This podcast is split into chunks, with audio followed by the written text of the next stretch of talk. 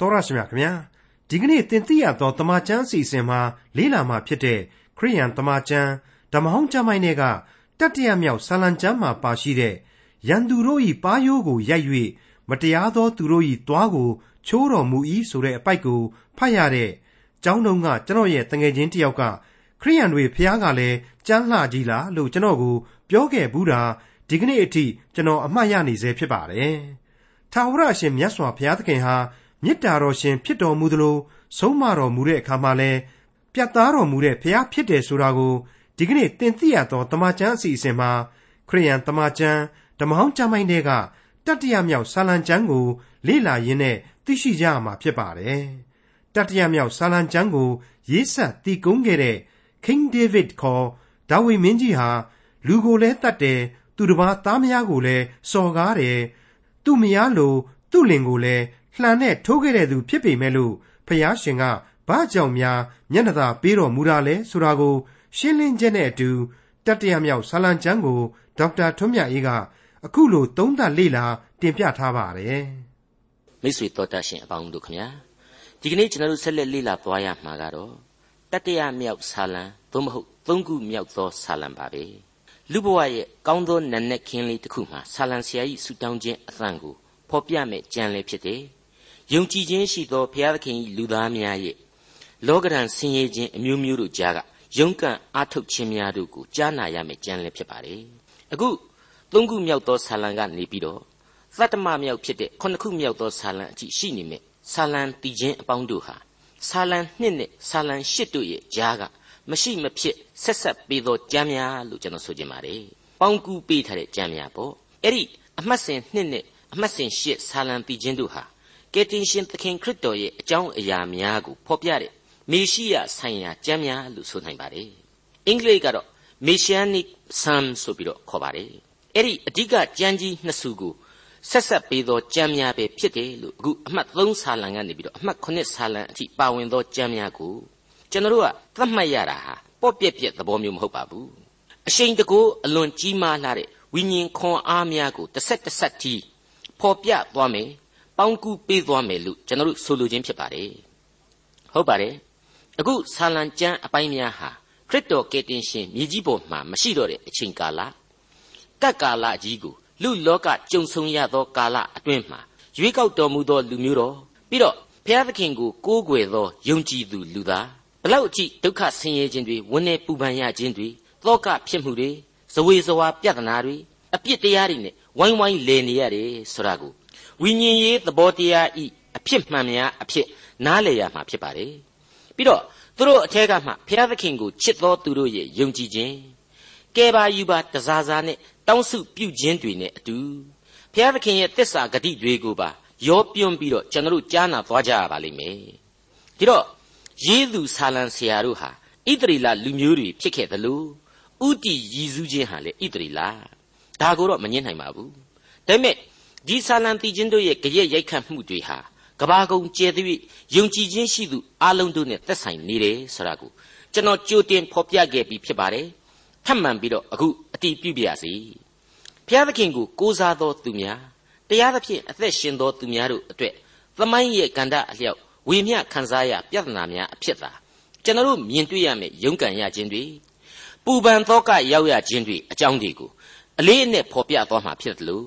အဲ့ဒီကြားတွေကမှဘုရားသခင်ဤလူတို့ကြံစီ၍မမိနိုင်သောကျေးဇူးတော်ကိုလူသားတို့ခံစားရကြခြင်းအကြောင်းတွေကိုလေဘယ်လို့မှမကွယ်မဖွက်နိုင်အောင်ဖော်ပြသွားမယ်လို့ကျွန်တော်ကြိုတင်တင်ပြလိုပါတယ်ဒီဆာလံတီချင်းတို့ရဲ့အခြေခံသဘောတဘာဝဟာဒါဝိဆိုတဲ့ဣသရေလဘုရင်ဘုရားသခင်ကိုအလွန်ချစ်ကြောက်ယိုသေးသောလူကြီးရဲ့ပုဂ္ဂိုလ်ရေးဘဝအတွေ့အကြုံကမြစ်ဖျားခံလာတာဖြစ်ပါတယ်ဒါမဲ့ဒီဆာလံဆရာရဲ့ခန်းစားဖွင့်ဆိုချက်တို့ဟာဣသရေလမှသည် ဘုရားသခင်ဘက်တော်သားအခြားလူသားများအားလုံးစီအထိစိတ်ဝင်နှံ့ပြအသိတရားတို့ကိုရရှိစေလိမ့်မယ်နှုတ်ကပတ်တော်ကဖော်ပြလိုတဲ့ကမ္ဘာသမိုင်းရဲ့နောက်ဆုံးသောကပ်ကာလအတွင်းမှာယုံကြည်ခြင်းနဲ့ရှင်သန်ကြံရစ်သူလူသားတိုင်းတို့ရဲ့ဖြစ်ရစုံလင်ကိုနားလည်စေလိမ့်မယ်အကယ်၍အဲ့ဒီလောက်အထိနက်နက်ရှိုင်းရှိုင်းဆက်ဆက်တွေးခေါ်အပြေမဖော်ခြင်းဘူးလို့ဆိုသည့်တိုင်အောင် အနန္တတကုရှင်ဘုရားသခင်ဖန်ဆင်းရှင်ကိုစိတ်တွင်သိမှတ်ကိုးကွယ်အပ်၏လို့ခံယူသောလူသားတိုင်းဤသမိုင်းအကွေ့အကွေ့ကဘဝအသက်တာရှင်သန်ရာလောကနေရဲ့အသီးသီးနဲ့ရေကိုသားလို့အခြားမထင်ဆက်ဆက်နေသောဘဝတယုတ်ဖို့နှုတ်ကပတ်တော်ကြမ်းများပဲလို့ကျွန်တော်ကမှတ်ချက်ပေးခြင်းပါတယ်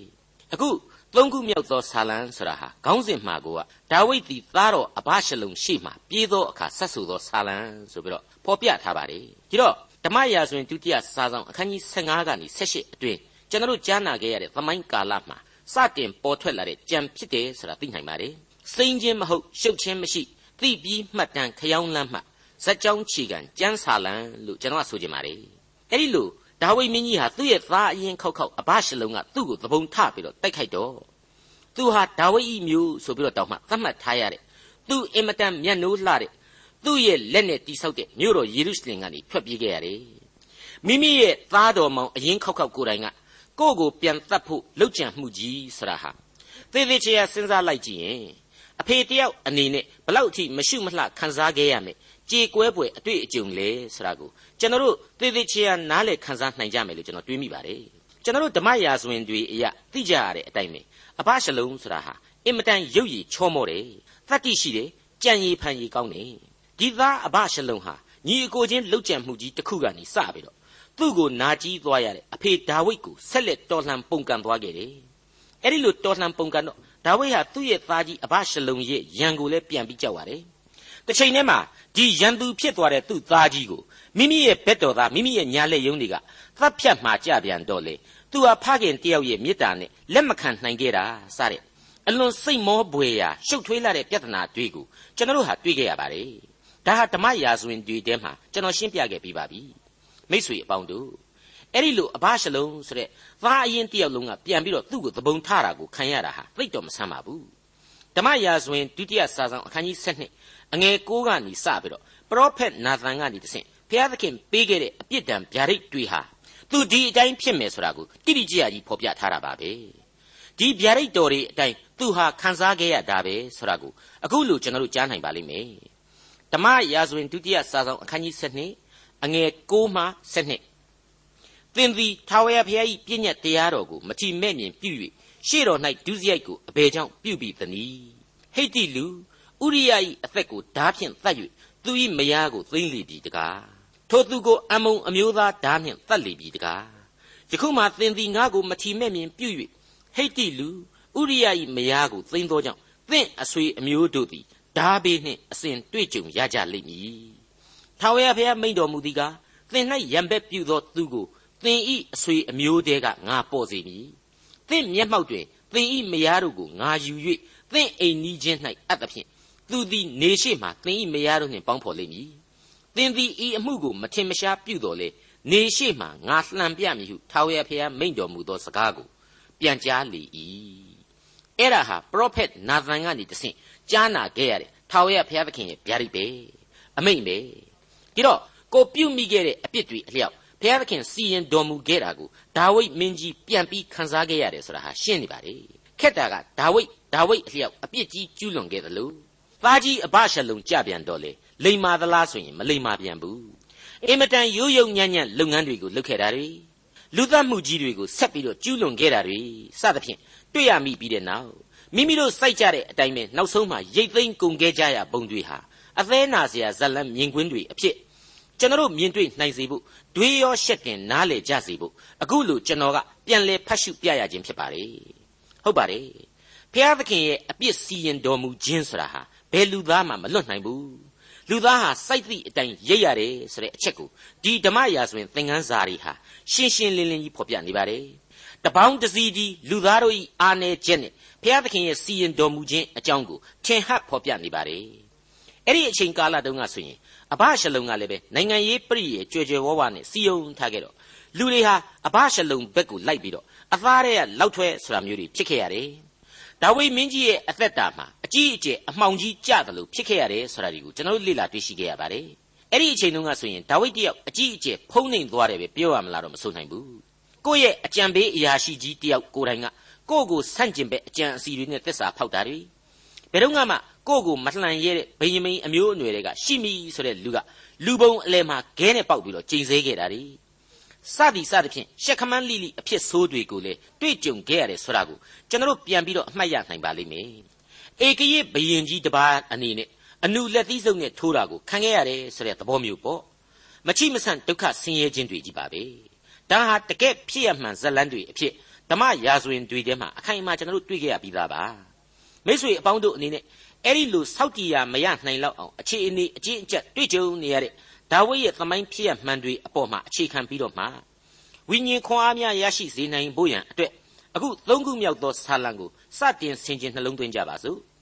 သုံးခုမြောက်သောဆာလံအငယ်1ဒါဝိဒ်သည်သားတော်အဘရှလုံရှေ့မှပြေးသောအခါဆက်ဆူသောဆာလံ အိုးထာဝရဖေဟာအကျွန်ုပ်ဤရန်သူတို့သည်အလွန်တိုးပွား၍အကျွန်ုပ်တစ်ဖက်၌ထသောသူတို့သည်များကြပါ၏ဟုတ်ပါတယ်မိတ်ဆွေအပေါင်းတို့အဲ့ဒီလိုကိုသားကကိုကိုသဘုံပြန်ထအာနာလူဖို့ကြံစီသတ်ဖို့အထိပြင်ဆင်ခြင်းမှာတိုင်းပြည်တစ်ခုလုံးကနှလုံးသားတွေဟာလေသူ့ဘက်မှာမရှိတော့ဘဲနဲ့ဖြစ်ခဲ့တယ်ဆိုတာကိုဓမ္မရာဇဝင်ဒုတိယစာဆောင်အခန်းကြီး15အငယ်73မှာဒါဝိဒ်မင်းကြီးကိုယ်တိုင်ကြားနာခဲ့ရပါတယ်။သတင်းပြောသောသူတစ်ယောက်သည်ဒါဝိဒ်ထံသို့လာ၍ ဣသရေလအမျိုးသားတို့၏စိတ်နှလုံးသည်အဘရှလုံဘက်သို့ပါသွားပါပြီဟုကြားလျှောက်လေ၏။အဲ့ဒီလိုအခိုင်အမာတွေ့ထားရခြင်းပါ။ဒီတော့အဲ့ဒီလိုသမိုင်းမှောင်မိုက်ခြင်းအချိန်ကာလမှာဒါဝိဒ်အဖို့ရောပြွနေသောသောကဝေဒနာတို့ဖိစည်းခဲ့ရလိမ့်မယ်ဆိုတာဟာအသေးချပါပဲ။သုံးခုမြောက်သောဆာလံအငယ်နှစ်သူသည်ဖျားသခင်ကိုအမိပြု၍ချမ်းသာမရဟုအကျွန်ုပ်ကိုရည်ဆောင်၍ပြောတော်သူအများရှိကြပါ၏ ဖျားသခင်ကိုအမိပြုလို့ချမ်းသာရမရဘူးဆိုတာကိုတော့ဒီလောကမှာဒါဝိဒ်တဲ့ပို့ပြီးတော့သိတဲ့လူရှိနိုင်ပါမလားလို့တောင်မှကျွန်တော်ထင်မိပါတယ်လူပြိုပေါက်ကလေးဘဝမှာတိုင်းပြည်လုံးကမော်လို့တောင်မကြည့်ဝန်းခဲ့တဲ့ဂေါလိယဆိုတဲ့ဘလူးကြီးကိုတယောက်ချင်းအနိုင်တိုက်ပြီးတော့လေပင်ဖြတ်လာခဲ့တာဟာသူဂေါလိယလာပြေဆိုတာနဲ့တပြိုင်တည်းတကားတွေပိတ်ပြီးတော့ဣသရေလတွေစောင့်ချုံပြီးအိတ်နေရတဲ့အထိကြောက်ခဲ့ရတဲ့ရန်သူကြီးကိုတူးချင်းတိုက်ဝန်းခဲ့တာသူပဲရှိတယ်ပြီးတော့ စိတ်ယူပေါက်နေတဲ့ရှင်ဘရင်ရှောလူဆိုတာကိုစောင်းကလေးတီးပြီးတော့ဖျော်ပြရင်းနဲ့တစ်ဖက်ကလည်းငါဘယ်တော့မှလှန်နဲ့ထထိုးမလဲမသိဘူးဆိုပြီးတော့တထိတ်ထိတ်နဲ့သတိထားခဲ့ရတာဟာလေသူပဲတကယ်လဲလှန်နဲ့ထိုးတိုင်းမလွယ်ပေါက်ကနေထွက်ထွက်ပြေးခဲ့ရတာလေသူပါပဲနှောင်းကာလမှာလေဂန္ဓာယတောအုံတောင်ကြားအရရမှာသာမကတခြားနိုင်ငံတွေတဲ့အထိရောက်အောင်ထွက်ပြေးနေအသက်ဘေးကနေလွတ်ခဲ့ရတာဟာလေသူပါပဲအဲ့ဒီလိုဘေးအန္တရာယ်တွေမြောက်များစွာကြားထဲမှာဘုရားသခင်ဟာသူ့ကိုစောင့်ထင်းခဲ့တယ်ဒါမငင်းနိုင်ဘူး ဒါပေမဲ့နော်တစ်ချိန်တည်းမှာပဲသူဟာအပြစ်တွေအမြောက်အများကျူးလွန်ခဲ့တယ်အေယာမအဲ့ဒီမဟာအပြစ်ကြီးတွေကိုကျူးလွန်မိသမျှနောင်တမြေရည်တွေနှိမ့်ချခြင်းစိတ်တွေနဲ့ဘုရားသခင်ကိုအသနာခံခဲ့ရတာဒီဒီကြားထဲကပဲဘုရားသခင်ပေးတဲ့အပြစ်ဒဏ်မှန်သေး၍ကိုလေအလိုတော်ကိုဝန်ခံပြီးတော့ခေါင်းငုံပြီးခံခဲ့တာဟာလေသူပါပဲဒီနေရာမှာကျွန်တော်ကကျွန်တော်ရဲ့သင်သိရသောတမန်ကျမ်းကိုအချိန်မှန်နားထောင်နေတဲ့မိษွေတယောက်ကနေပြီးတော့ဇောရကတက်တာလေးတစ်ခုကိုဖော်ပြခြင်းပါတယ်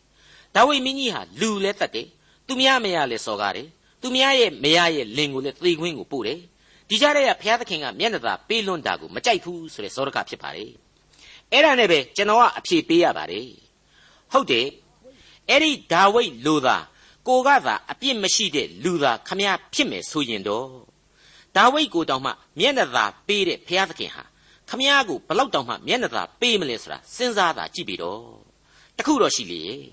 အပြစ်တွေရှိရှိမရှိရှိသူ့ကိုကိုဘလောက်အထိယုံကြည်တယ်ကိုးကွယ်ဥညွတ်တယ်ဆိုတဲ့အတိုင်းအတာပေါ်မှာတော့မူတည်လိမ့်မယ်အပြစ်တော့များများကြီးမကျူးလွန်ပါဘူးဒါပေမဲ့ဘုရားသခင်ကိုမယုံကြည်ဘူးယုံကြည်တယ်ဆိုသည့်တိုင်အောင်ဘုရားသခင်လိုချင်တဲ့နောင်တနဲ့ကြိုးပဲ့ကြေးမွသောစိတ်နှလုံးအခြေခံမရှိဘူးသူ့ရဲ့မြင့်မြတ်ခြင်းနဲ့ထိုက်တန်အောင်ကိုယ့်ဘက်ကနှိမ့်ချယိုကျိုးခြင်းမရှိဘူးဆိုရင်လေမဖြစ်သေးဘူးဥပမာယောဘဆိုရင်အလွန်ဖြူစင်ဖြောက်မှတ်တဲ့လူကြီးပဲ ဒါပေမဲ့သူ့ရဲ့အဲ့ဒီလိုဖြူစင်ဖြောက်မှတ်ခြင်းအပေါ်မှာသူအထင်ကြီးနေလို့မရနိုင်ဘူးအဓိကကြတဲ့နောင်တနဲ့ကြိုးပဲ့ကြေမွခြင်းနှလုံးသားဆိုတဲ့အနှစ်သာရဟာရှိကိုရှိမှဖြစ်မယ်ဆိုတာကိုဘုရားသခင်ဖော်ပြဖို့ရန်အတွက်ယောဘကိုလောကရန်စက်ကြီးထဲမှာထည့်ပြီးတော့ညှစ်ထုတ်ဆုံးမပြခဲ့တယ်ဆိုတာကိုကျွန်တော်ကကျွန်တော်မိတ်ဆွေကိုရှင်းပြခဲ့ရပါတယ်အဲ့ဒီလိုပါပဲတကယ်တမ်းသာရှင်းပြရမယ်ဆိုရင်တော့ဓမ္မသမိုင်းအခေါင်အဖျားကလူကြီးတွေကအစ ကျွန်တော်တို့မိษွေတို့အပါအဝင်သမိုင်းတလျှောက်လုံးကလူသားအားလုံးတို့ဟာအပြစ်နဲ့အညီအမျှသာဘုရားသခင်စီရင်မယ်ဆိုပါတော့ဘယ်သူမှငရဲနဲ့လွတ်เสียအကြောင်းရှိကြမှာမဟုတ်ပါဘူးအခုတော့ဘုရားသခင်ဟာသူ့ကိုယုံကြည်ကိုးကွယ်ခြင်းဆိုတဲ့အချက်ပေါ်မှာမူတည်ပြီးတော့မှကဲတင်ချင်းဂျေဇုတော်ကိုပေးသနာခဲ့တဲ့အကြောင်းကိုပြောလို့မကုန်နိုင်အောင်တက်သေးပေါင်းမြောက်များစွာရှိပြီးဖြစ်ပါတယ်ဘာပဲဖြစ်ဖြစ်ပါစိုက်သည့်အတိုင်းမရိပ်ရဘူးလားဆိုရင်တော့မေးစရာမလိုပါဘူး ဒါဝိဒ်ဟာသူကျူးလွန်ခဲ့တဲ့အပြစ်တွေအတိုင်းတိတိကျကျကြီးပြန်လေပေးဆက်ခဲ့ရပြန်တယ်ဆိုတာကိုမငြင်းနိုင်ပါဘူးဘယ်သူမပြုမိမိမှုများအတွက်ဘုရားသခင်ပေးခဲ့တဲ့အပြစ်ဒဏ်တွေကိုဒါဝိဒ်မင်းကြီးဟာတစ်သက်လုံးခံစားသွားခဲ့ရပါတယ်ခံစားခဲ့ရတဲ့နေရာမှာလေသူကိုယ်တိုင်ဟာဘုရားသခင်ရဲ့အပြစ်ဒဏ်တွေအဖြစ်အလွန်နှိမ့်ချယိုကျိုးစွာနဲ့ခံယူသွားခဲ့ခြင်းဖြစ်ပါတယ်အလိုတော်ကိုကောင်းကောင်းကြီးခံစားနားလည်သွားခဲ့ပါတယ်ဘုရားသခင်စီရင်တာကိုခံပါရစေ လူစီရင်ခြင်းကိုမခံပါရစေနဲ့ဆိုတဲ့ဆုတောင်းခြင်းမျိုးကိုသူပြုတ်ခဲ့တယ်ဆိုတာတွေ့ကိုကျွန်တော်ဓမ္မရာဇဝင်သင်ခန်းစာတွေမှာတွေ့ကြရပါတယ်ဒါကိုမေ့လို့မရနိုင်ပါဘူးအခုအချိန်မှာဆိုရင်လေဒါဝိဒ်ဟာသားတော်မောင်အဘရှလုံနဲ့တကွသူ့တိုင်းပြည်ကြီးတစ်ခုလုံးရဲ့အပေကံဘဝနီးနီးအထိအဆင့်ကျနေပါလို့နေရပါပြီအင်မတန်ပြည်ပြင်းလှတဲ့အပြစ်လူသားတို့ရဲ့ဘဝတရုပ်ပဲလို့ဆိုပါရစေ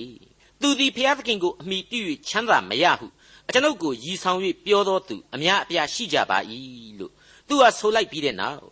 ဒါဝိဒ်တယောက်တရင်ကမျှအဲ့ဒီမိမိဆက်ဆိုခဲ့တဲ့လင်္ကာဝါကြအပေါ်မှာအနာယူရင်းနဲ့စဉ်းစားကံဖွင့်ဟန်ရှိပါတယ်ဒါကိုမြန်မာသမာကျမ်းစာမှာမတွေ့ရပေမဲ့မူရင်းဟေပြဲစာပေအရာစီလာဆိုတဲ့ဂီတသင်္ကေတဝေါဟာရတစ်ခုချထားတာကိုတွေ့ရလို့အခုလို့ဆိုရခြင်းဖြစ်ပါတယ်အဲ့ဒီစီလာဆိုတဲ့သင်္ကေတတွေဟာဆာလံတီချင်းတွေအကုန်လုံးထဲမှာ82ကြိမ်ထည့်သွင်းထားတာကိုမူရင်းဟေပြဲစာပေ ဟေလသနဲ့အင်္ဂလိပ်ကျမ်းတွေမှာတွေ့မြင်နိုင်တဲ့အကြောင်းကိုကျွန်တော်ဗဟုသုတဖြစ်ဖွယ်ဖြစ်ဆွဲတင်ပြပါရစေ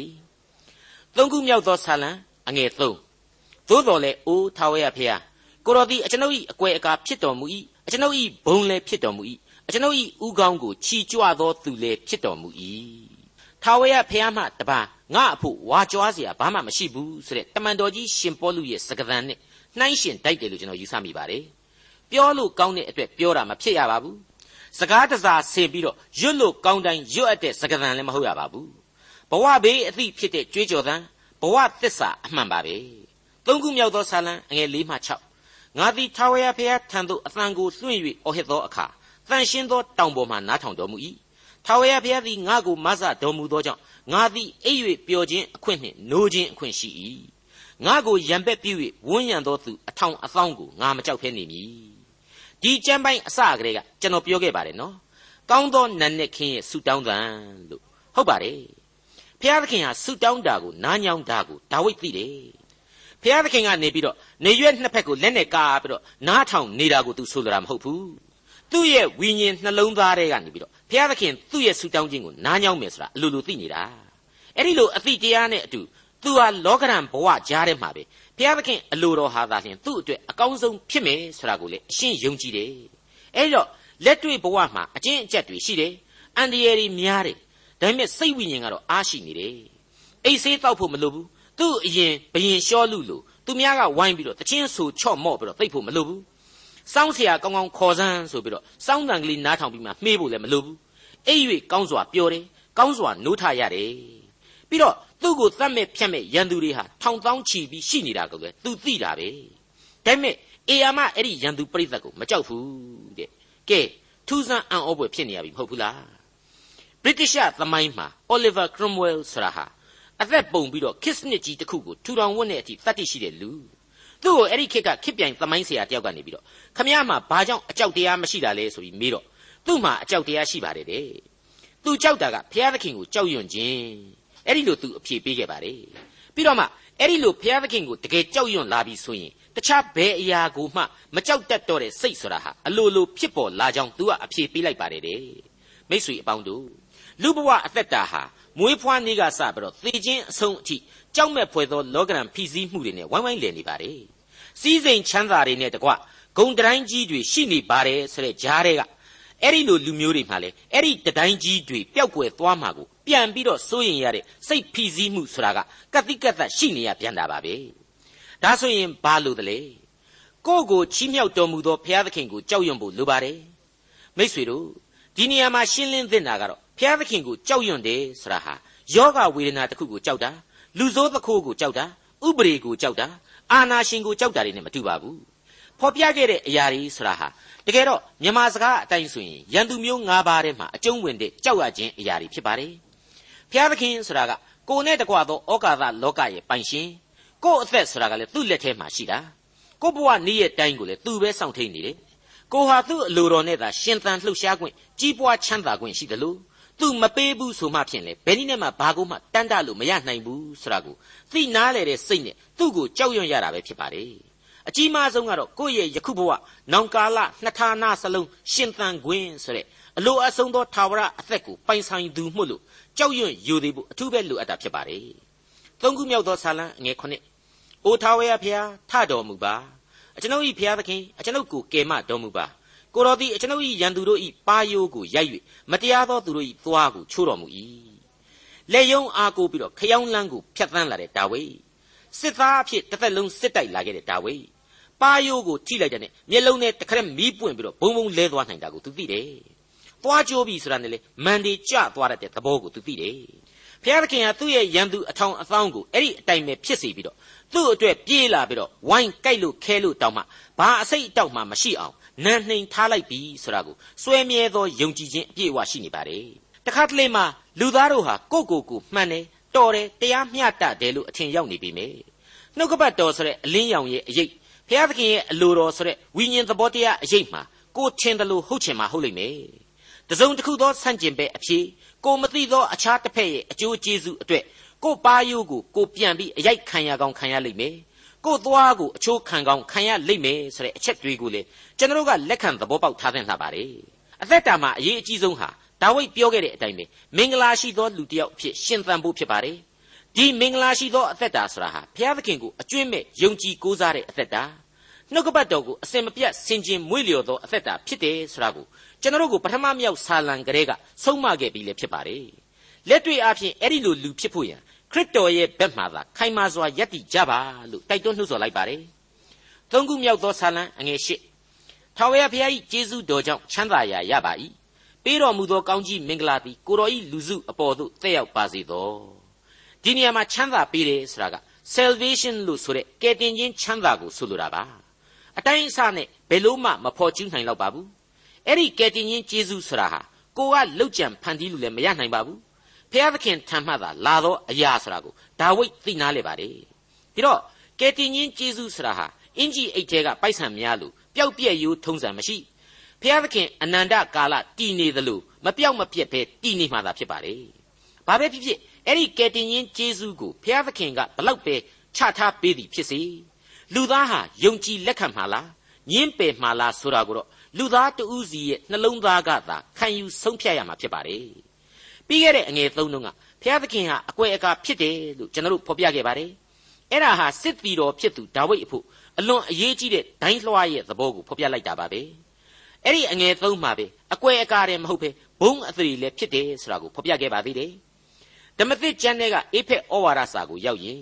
ကယ်တင်ရှင်ကျေးဇူးတော်ဆိုတာဟာတန်ခမောက်လုံးကဲ့သို့ဥကောင်းကိုဆွတ်ရတဲ့အရာဖြစ်တယ်။ဒိုင်းလွှားဆိုတာကတော့ယုံကြည်ခြင်းနဲ့တူညီတယ်ဆိုတာတွေကိုဖော်ပြထားပါတယ်။အေဖက်ဩဝါဒစာအခန်းကြီး6အငယ်16နဲ့18မှာ